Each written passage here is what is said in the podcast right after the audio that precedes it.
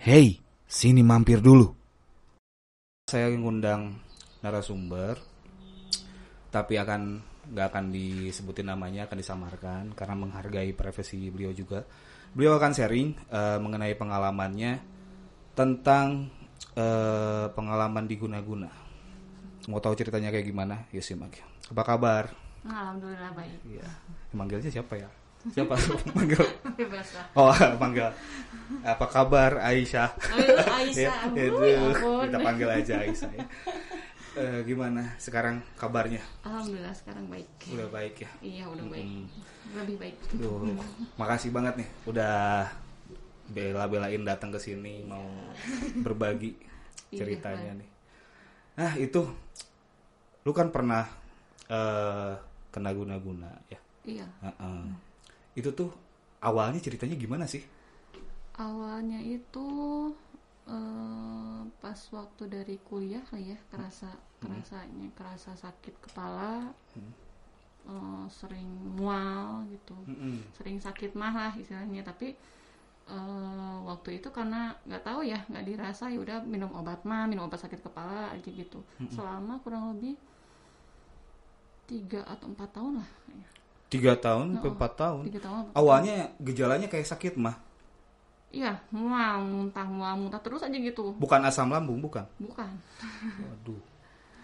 mual muntah perih gitu Ha-ha. awalnya Awalnya. dikiranya lambung kan Iya. terus eh, minum obat lambung gitu lagi jadi lagi oh mungkin waktu itu oh, dianggapnya mungkin saya salah makan gitu atau jaga nggak jaga makanan tapi udah udah lama lah pokoknya tiap bulan hampir tiap bulan tuh selalu ke rumah sakit selalu dirawat. Tiap bulan? Iya. Selama empat tahun itu. Bolak-balik ke rumah sakit. iya.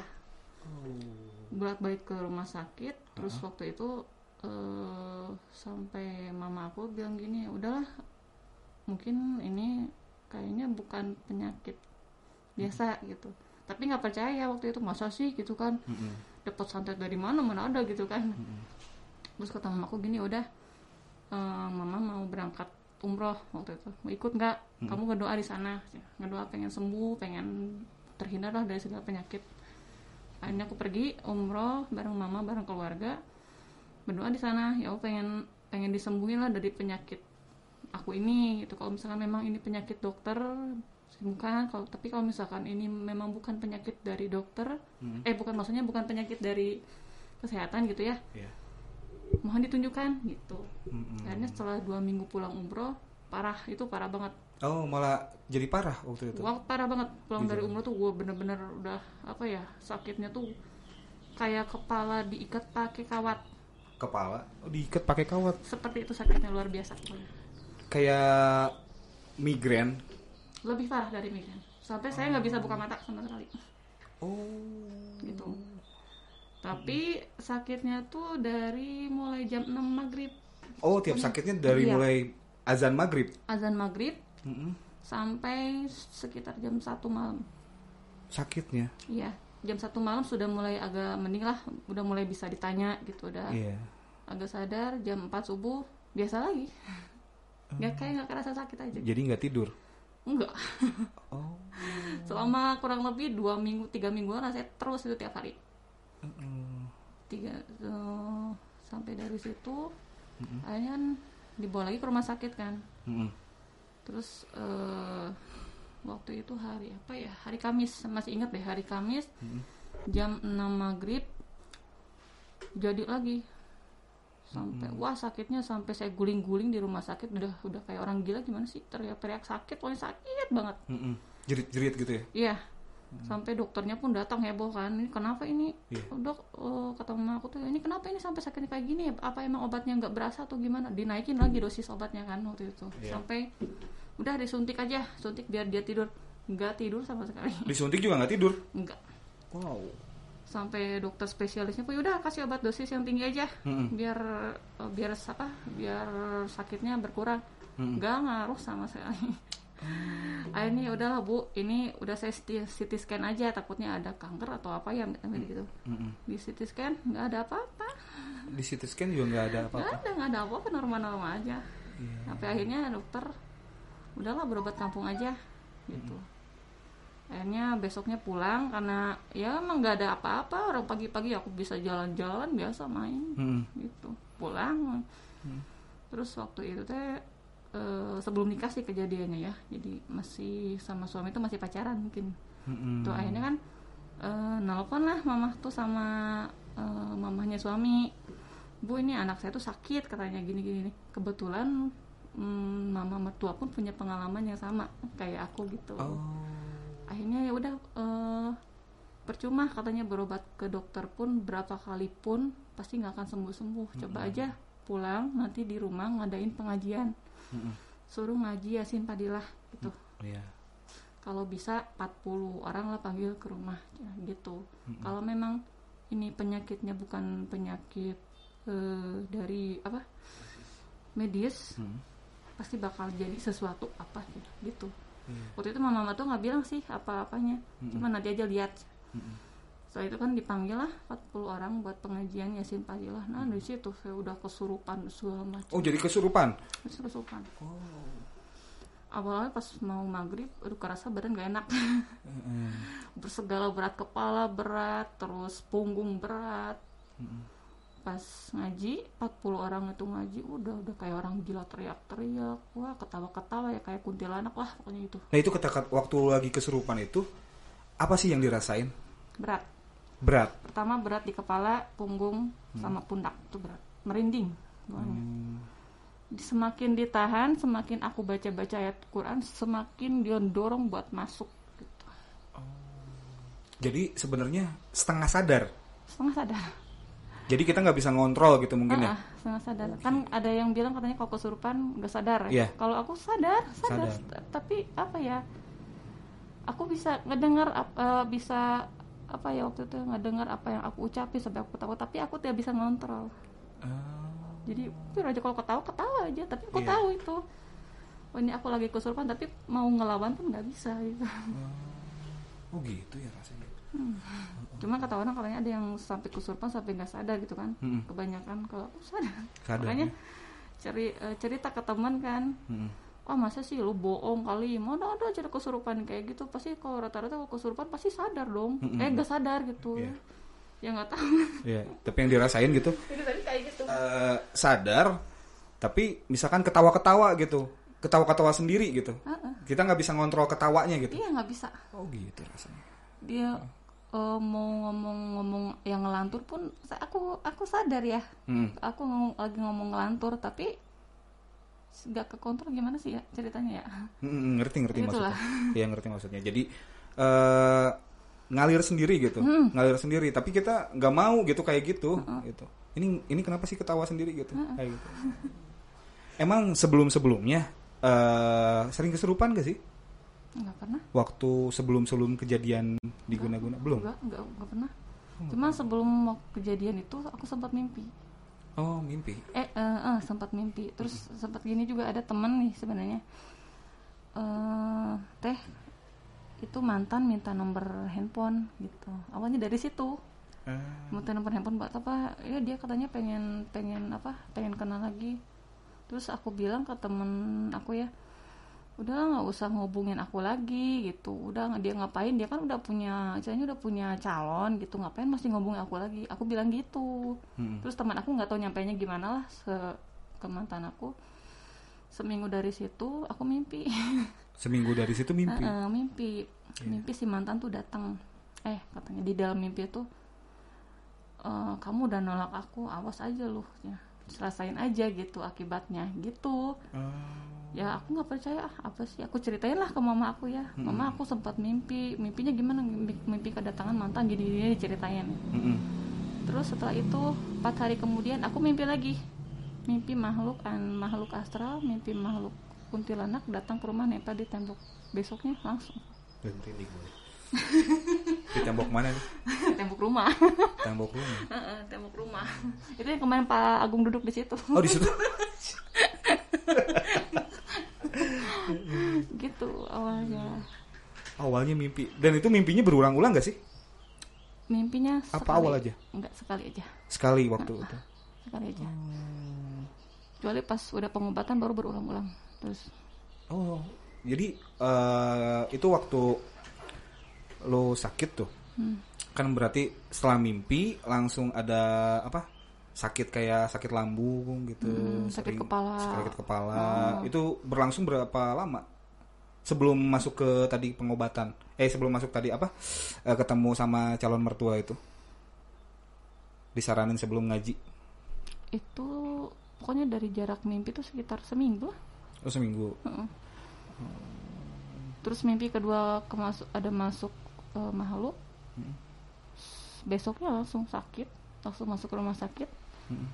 Terus pagi-paginya nelpon mama mertua itu cal masih waktu itu masih calon ya, belum Iya. Mertua kata mama mertua udah pengajian aja kebetulan waktu itu malam Jumat Mm-mm. pengajian pengajian malam Jumat ya jadi hari Jumatnya gitu dari situ Ngeri ya. Nah, waktu setelah kejadian eh, sempat berobat udah berapa kali pengobatan? ke mana ke rumah sakit atau ke, Ke- berobat kampung Ya berobat ke alternatif. Udah berapa kali ya saya sering sering semenjak sakit itu sering berobat Oh sering kampung. bolak-balik. Iya, Berarti nggak sekali langsung sembuh ya? Enggak, enggak sekali. Waktu itu sempat panggil eh, guru ngaji, guru ngaji aku Iya. di Rukiah. Malah malah parah. Ah, Jadi dia du- udah di Rukiah, udah perut aku dipencet-pencet lah, kepala dipencet. Duh, udah nggak sanggup aku. Memang sih eh apa ya? menyiksa jin yang dalam badan aku. Tapi badan aku pun ikut tersiksa.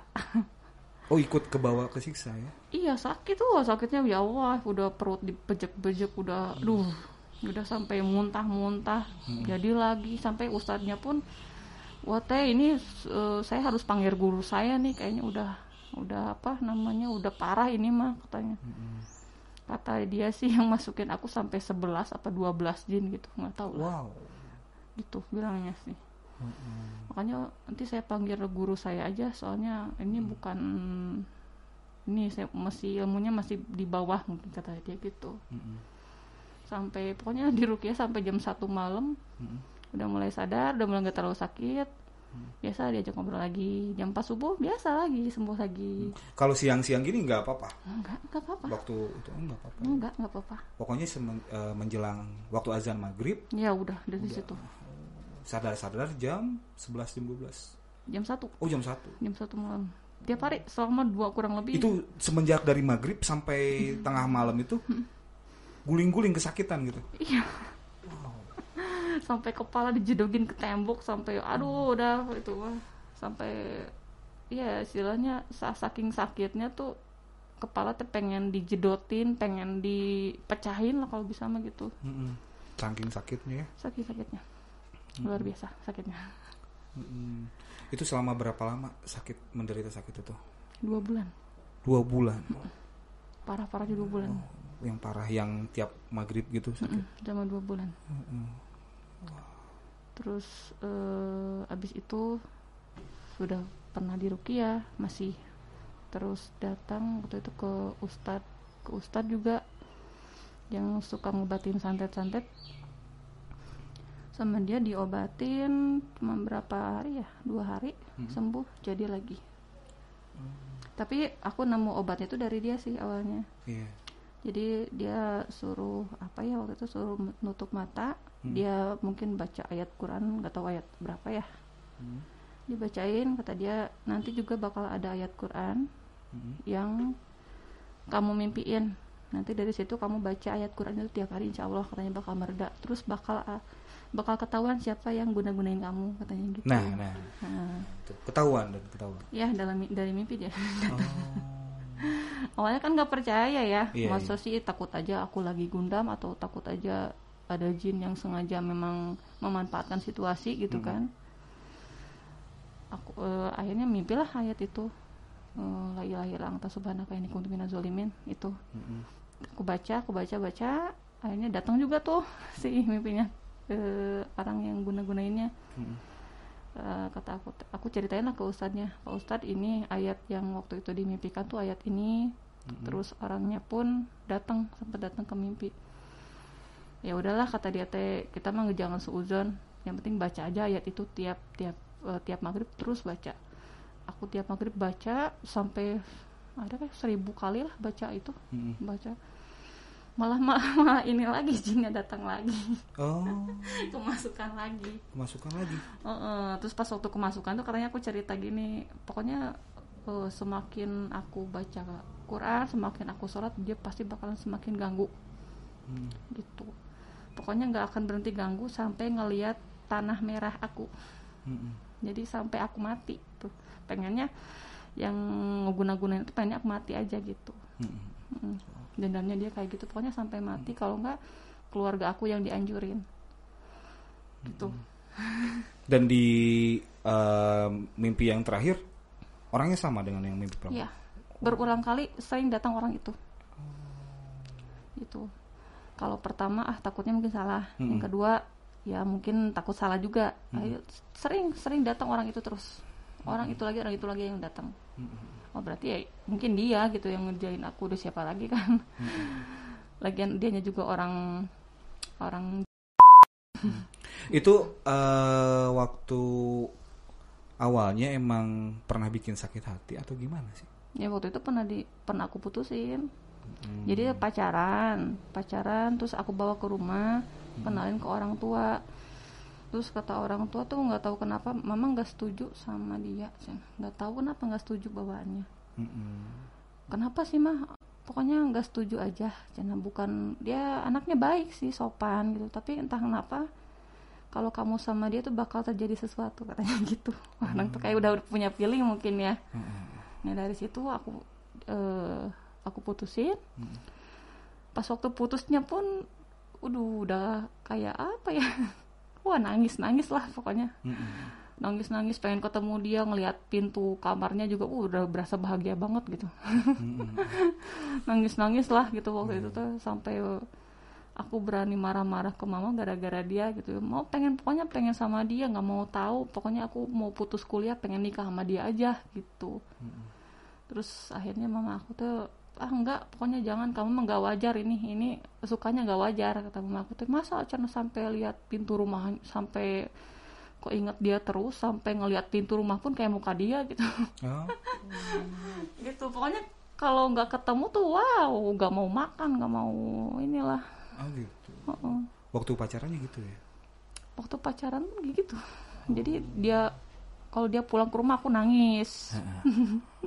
Nggak mau ditinggalin. Pokoknya udah kayak kayak pacaran abag yang kegila-gila Iya, banget. iya. gitu. Berapa lama pacarnya? tiga bulan. Tiga bulan. Itu waktu usia berapa sih? waktu masih kuliah 20 kuliah, udah, udah lewat masa puber lah ya? oh udah lewat dong. Tingkat akhir lah waktu tingkat tiga Gitu. Dan tadi waktu terakhir eh, setelah pengobatan kan tadi katanya eh, nggak akan berhenti ganggu sampai meninggal katanya. ya Nah, itu ujung-ujungnya terakhirnya gimana tuh? waktu itu ah nggak percaya sih aku yakin Hmm. di atas ilmu apa pun masih ada ilmu lagi itu Hmm. aku percaya aja sama Allah kalau memang eh, aku harus meninggal dengan ya gara-gara diguna-gunain ya mungkin udah takdir aku ya. Tapi aku udah oh, aku sama keluarga ngedoa. Ya Allah mudah-mudahan eh apa namanya itu disembuhin dari penyakit ini gitu ya. Mudah-mudahan nggak pokoknya nggak ada daya dan upaya karena Allah aja gitu. Aku terus terus ngedoa. Akhirnya eh, waktu itu kan sempet berobat juga ke dukun. Mm-mm. Oh sempet juga. Sempet juga ya kan udah udah udah Iya. pusing lah istilahnya. Udah udah ke sini salah ke situ salah. Ber- berobat ke dukun.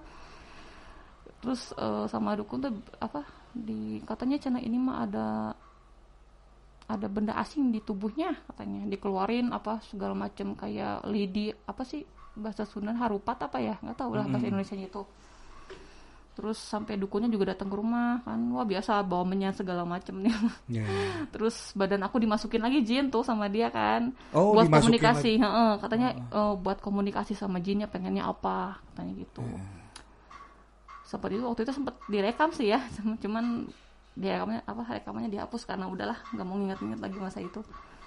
Terus eh kata dukun itu teh di sini teh ada ininya teh cina kat- ada semacam spionnya dia jadi tiap kamu sembuh pasti jadi lagi jadi kayak ada peman- alat pemantaunya gitu Hmm. akhirnya dicarilah di rumah ada boneka boneka dari kain kapan Oh. mau di situ tuh waduh di dalam boneka tuh ada ada lidiknya lah ada jarumnya lah parah. sampai aku ngeliat pun muntah aku langsung muntah ngeliat itu Mm-mm. kita ada dua katanya bonekanya tuh yang satu warna putih yang satu warna hitam Hmm. jadi setiap kamu sembuh kamu pengobatan dia pasti tahu katanya gitu Mm-mm. tiap pengobatan jadi lagi jadi lagi ya karena ini ada spionnya kata dia tuh gitu Mungkin itu yang disebutnya buhul sihir ya? iya mungkin Itu yang disebut buhul sihir. Heeh, kayaknya gitu sih Itu bisa bisa ada di kamar itu gimana? lewat mimpi Hah?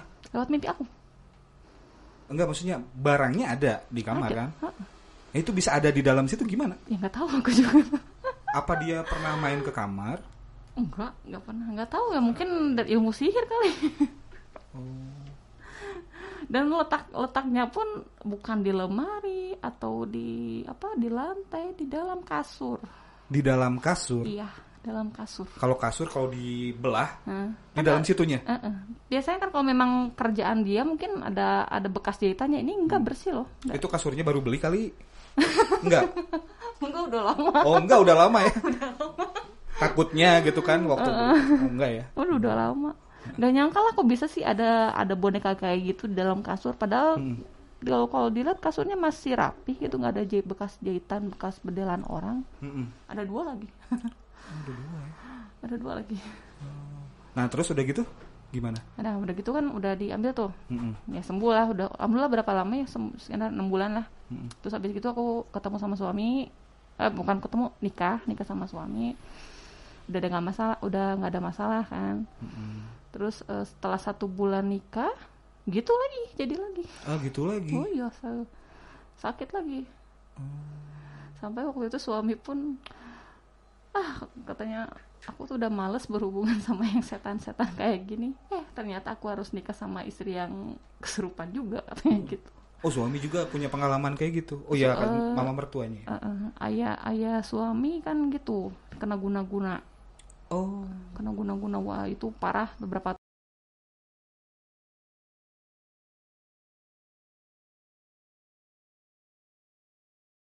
mual muntah pusing terus eh, sama suami waktu itu dibawa aja pulang ke Karawang.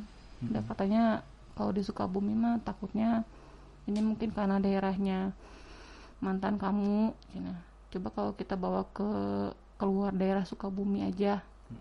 Waktu itu ke Karawang pulang ke rumah suami. Di rumah suami eh, apa namanya masih tetap juga sakit gitu. Masih sakit juga. masih sakit. Tiap hari malah itu mah tiap hari tiap hari aku dirukiah sama sama gurunya suami aku ya dirukiah pengen katanya pengen minta ayam lah pengen minta kambing lah pengen lah segala macem pokoknya Buat Ayam. apa minta ayam kambing? ya nggak tahu mungkin buat dijual kali ya